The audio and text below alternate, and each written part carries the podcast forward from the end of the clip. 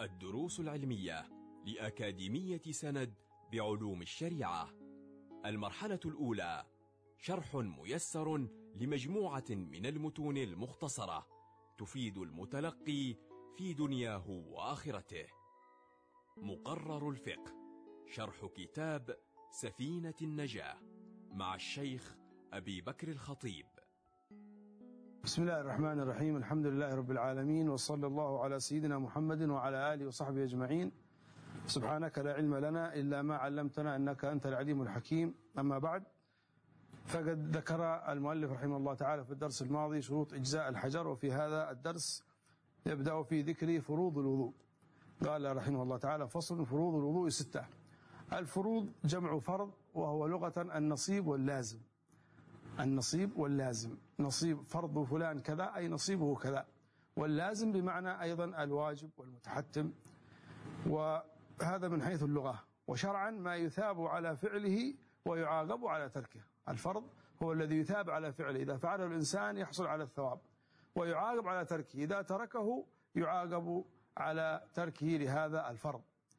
الفروض فروض الوضوء. والوضوء من حيث اللغة مأخوذ اسم لغسل بعض الأعضاء. اسم لغسل بعض الأعضاء مشتق ومأخوذ من الوضاءة وهي الحسن والجمال. ومنه أيضا أنه يسن عند الأكل الوضوء أي غسل الكفين وليس الوضوء المعلوم هذا فهو من حيث اللغة يسمى وضوءا. فالوضوء لغة النصيب الوضوء لغة مأخوذ من الوضاءة وهي الحسن والجمال اسم لغسل بعض الأعضاء أي أعضاء كانت. وأما شرعا فهو اسم لغسل أعضاء مخصوصة بنية مخصوصة. اسم لغسل أعضاء مخصوصة بنية مخصوصة وأعضاء الوضوء أربعة الوجه واليدان والرأس والرجلان. هذه أعضاء الوضوء. فأعضاء الوضوء آه الأربعة هذه هي التي يكون الوضوء فيها. إذا الوضوء شرعا اسم لغسل أعضاء مخصوصة. بنية مخصوصة سوف تأتي معنا في فروض الوضوء. والوضوء هو أحد مقاصد الطهارة الأربعة وهي الوضوء والغسل والتيمم وإزالة النجاسة. هذه تسمى مقاصد الطهارة. فروض الوضوء ستة. الأول النية. هذه الستة أربعة منها مأخوذة من القرآن الكريم واثنان مأخوذة من سنة النبي صلى الله عليه وآله وصحبه وسلم. فأما المأخوذة من القرآن فهي قوله عز وجل يا أيها الذين آمنوا إذا قمتم من الصلاة فاغسلوا وجوهكم وأيديكم إلى المرافق وامسحوا برؤوسكم وأرجلكم إلى الكعبين. وأما التي جاءت في السنة فأولها النية لقوله صلى الله عليه وسلم إنما الأعمال بالنيات. وأما الترتيب وهو السادس فهو مأخوذ أيضا من قوله عليه الصلاة والسلام ابدأوا بما بدأ الله به حيث سأله الصحابة عليهم رضوان الله بما نبدأ يا رسول الله بالصفاء أم بالمروة فقال ابدأوا بما بدأ الله به. وكما يقول أهل العلم العبرة بعموم اللفظ لا بخصوص السبب. وهناك أيضا أدلة أخرى لهذه الوضوء أو لهذه الفروض الستة. فأولها النية. والنية لغة القصد. نوى فلان كذا أي قصد كذا لغة. وشرعا قصد الشيء مقترنا بفعله. قصد الشيء مقترن بالفعل. فأما قصد الشيء مع تقدمه على الفعل فهذا يسمى عزم. وإن كان يسمى نية من حيث اللغة لكن من حيث الشرع يسمى عزم. فمثلا أنا أنوي إن شاء الله تعالى أن أحج بيت الله الحرام. هذا عزم. لكن أنوي أن أصوم رمضان إن شاء الله تعالى إذا جاء. هذا كله يسمى عزم. يسمى نية لغة لكن شرعا قصد الشيء مقترنا بفعله. هذا هو الأول من فروض النية وسيأتي معنا فصل خاص يتعلق بالنية في الدروس القادمة. ولا بد من اقتران هذه النية بغسل أول عضو من أعضاء الوضوء وهو الوجه. أول عضو من أعضاء الوضوء هو الوجه. فيجب أن تقترن النية بغسل أول جزء من الوجه. لابد أن تقترن. فيغسل المتوضي وجهه ناويا الطهارة للصلاة. أو رفع الحدث أو غيرها من النيات المعتبرة. ينوي الطهارة للصلاة. مع غسل الوجه مباشرة. فلما يضع الماء على وجهه أول ما يضع الماء على وجهه مباشرة ينوي الطهارة للصلاة. نويت الطهارة للصلاة أو نويت الوضوء. فلا بد من وجود النية عند غسل أول جزء من الوجه. الفرض الثاني من فروض الوضوء وهو غسل الوجه. غسل الوجه. والوجه حده من منابت شعر الرأس غالبا. منابت شعر الرأس. منابت شعر الرأس في الوضوء منابت شعر الرأس على حسب المعتاد. منابت شعر الرأس إلى الذقن واللحيين. هذا من حيث الطول ومن حيث العرض ما بين الأذنين. فهذا كله يسمى وجه وسمي وجه لأنه تقع به المواجهة.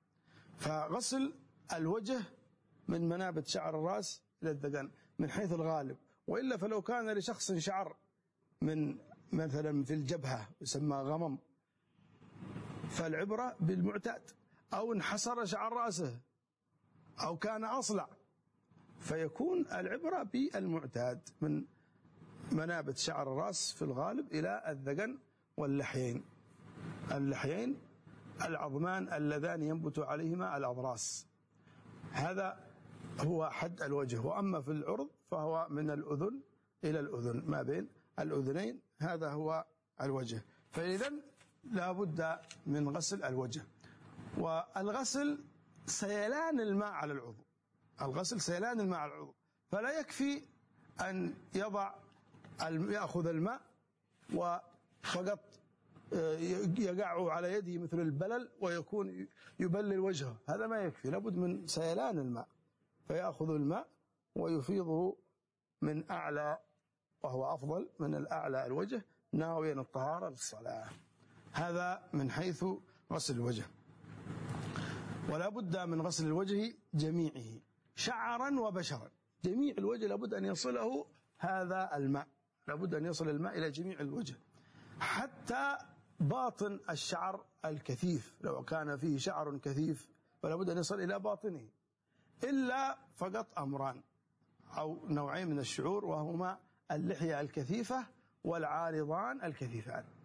اللحية هي الشعر النابت على الذقن والذقن ملتقى اللحيين. اللحية الشعر النابت على الذقن والذقن ملتقى اللحيين. اللحيان قلنا العظمان اللذان تنبت عليهما الأضراس السفلى هذه اللحيين الملتقى هذا هو الذقن. الشعر النابت على الذقن هذا يسمى لحية. فوصول الماء إلى اللحية إذا كانت خفيفة يجب وصول الماء إلى باطن اللحية. وإذا كانت كثيفة فيكفي أن يكون على ظاهرها فقط وهو ما ظهر من أعلى هذا الشعور الشعر. وكذلك العارضين الكثيفين. العارضان وهو الشعر النابت على اللحيين. هذا يسمى العارض. العارض الشعر من أسفل الأذنين من عندها إلى اللحية. هذا يسمى العارضان. فإذا كانت اللحية كثيفة والعارضان كثيفين فيجب غسل ظاهرهما فقط. وهو ما ظهر من أعلى الشعر. ومتى نعرف أن هذه اللحية كثيفة والعارضين كثيفين؟ الكثيف هو ما لا يرى أو ما لا ترى بشرته من مجلس التخاطب. مجلس التخاطب المعتاد حوالي آه، ذراع ثلاثة ذراع تقريبا. فإذا كان ترى بشرتها من مجلس التخاطب فهذه لحية خفيفة. فإن كانت لا ترى بشرة مجلس التخاطب فهذه لحية كثيفة. ماذا يترتب على ذلك؟ إذا كانت اللحية كثيفة فيجب غسل ظاهرها فقط. ثم يسن بعد ذلك تخليلها. لكن الواجب غسل ظاهرها. وإن كانت العارضين كثيفين فيجب غسل ظاهرهما فقط. فإذا كانت خفيفات فيجب غسل ظاهرها وباطنها كذلك. هذا هو الذي يفرق في المسألة. ثم أننا نعلم بعد ذلك أن بقية شعور الوجه يجب غسل ظاهرها وباطنها. فلو أن شخصا ربى له لحية كثيفة ولكن اللحية قلنا الشعر لامت على الذقن العارضين ما كان على اللحيين. بقية شعور الوجه لو وجدنا فيه شعر على وجنتيه شعر في هذا المكان كله مليء بالشعور فهذا يجب غسل ظاهره وباطنه كله إلا اللحية الكثيفة والعرضين الكثيفين فقط. هذه التي يجب غسل يكفي غسل ظاهرها فقط. أما بقية شعور الوجه وهي عشرون يذكرها أهل العلم وأهل اللغة عشرون شعور الوجه. فيجب غسل ظاهرها وباطنها جميعا إلا باطن اللحية الكثيفة والعارضين الكثيفين. إذا الفرض الثاني من فروض الوضوء وهو غسل الوجه. الفرض الثالث الثالث من فروض الوضوء غسل اليدين مع المرفقين. غسل اليدين مع المرفقين.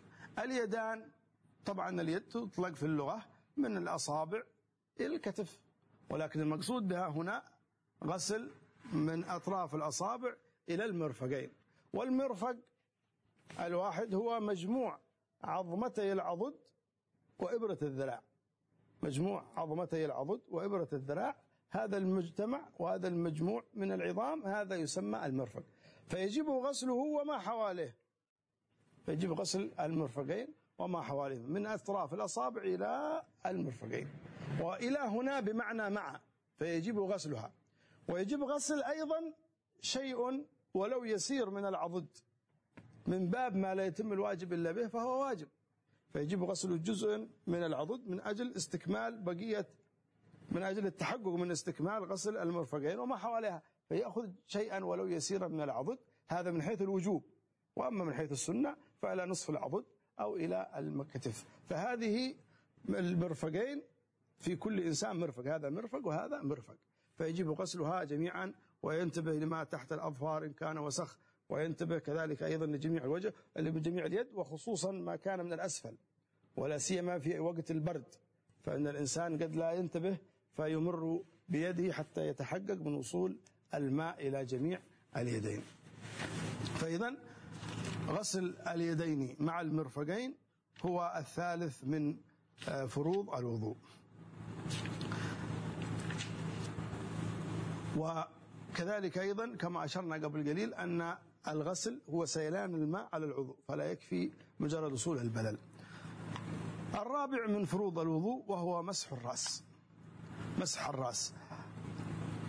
الرأس معروف طبعا وما على فيجب مسح الرأس. قال عز وجل فاغسلوا وجوهكم وأيديكم المرفقين فاغسلوا وجوهكم وأيديكم المرافق وامسحوا برؤوسكم. وامسحوا. فالرأس هنا الواجب فيه المسح وليس الغسل.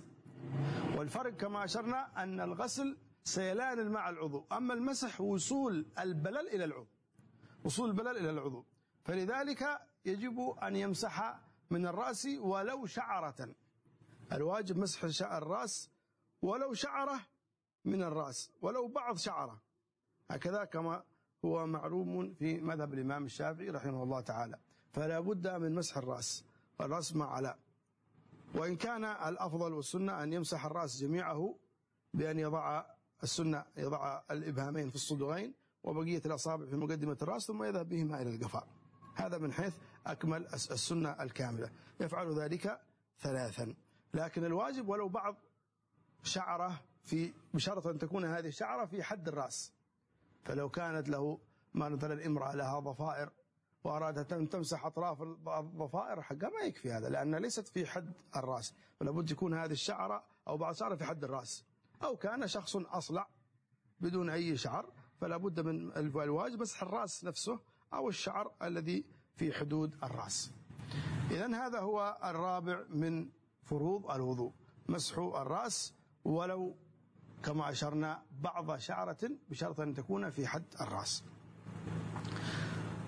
الشرط الخامس أو الفرض الخامس من فروض الوضوء وهو غسل الرجلين مع الكعبين. غسل الرجلين مع الكعبين. والكعبان هما العظمان الناتئان أو البارزان عند مفصل الساق والقدم. العظمان البارزان عند مفصل الساق والقدم هما الكعبين. فيجب أن يكون غسل الرجلين مع الكعبين. فكما أنه في اليدين هناك إلى المرفقين بمعنى مع وكذلك أيضا الكعبين أي مع الكعبين ولا بد من أخذ جزء من الساق ولو يسيرا من باب ما لا يتم الواجب إلا به فهو واجب. هذه هي وهذا هو الفرض الخامس من فروض الغسل أو من فروض الوضوء. الفرض السادس من فروض الوضوء وهو الترتيب. ومعنى الترتيب هو أن لا يقدم عضوا على عضو. فلا بد من وجود الترتيب. فالترتيب من فروض الوضوء. كما أشرنا في به في حديث النبي صلى الله عليه وسلم وأيضا كونه يقع وقع وجود المسح بين مغسولين هذا حكمة تقتضي الترتيب وهو معلوم عند العلماء. فلا بد من وجود الترتيب بمعنى أن يبدأ بالوجه ثم اليدين ثم الرأس ثم الرجلين. فلو عكس أو غير أو قدم أو أخر فلا يصح الوضوء. فمثلا لو لو ذكر لو على سبيل المثال لو غسل أولا يديه ثم غسل وجهه ثم مسح رأسه. فهذا نقول الآن مسح الرأس واليدين وغسل اليدين ليس في محله. فلا بد من وجود الترتيب بأن يقدم أولا الوجه ثم اليدين ثم الرأس ثم الرجلين حتى يكون الوضوء صحيحا. هذا هو الفرض السادس من فروض الوضوء. نسأل الله سبحانه وتعالى أن يفقهنا في الدين ويعلمنا التوحيد الدين السواء السبيل. إنه أكرم الأكرمين وأرحم الراحمين. وصلى الله على سيدنا محمد وعلى آله وصحبه وسلم والحمد لله رب العالمين. كنتم مع الدروس العلمية لأكاديمية سند بعلوم الشريعة. يمكنكم متابعة جميع الدروس عبر موقع الأكاديمية وتطبيقاتها الإلكترونية. سند علم سلوك دعوة.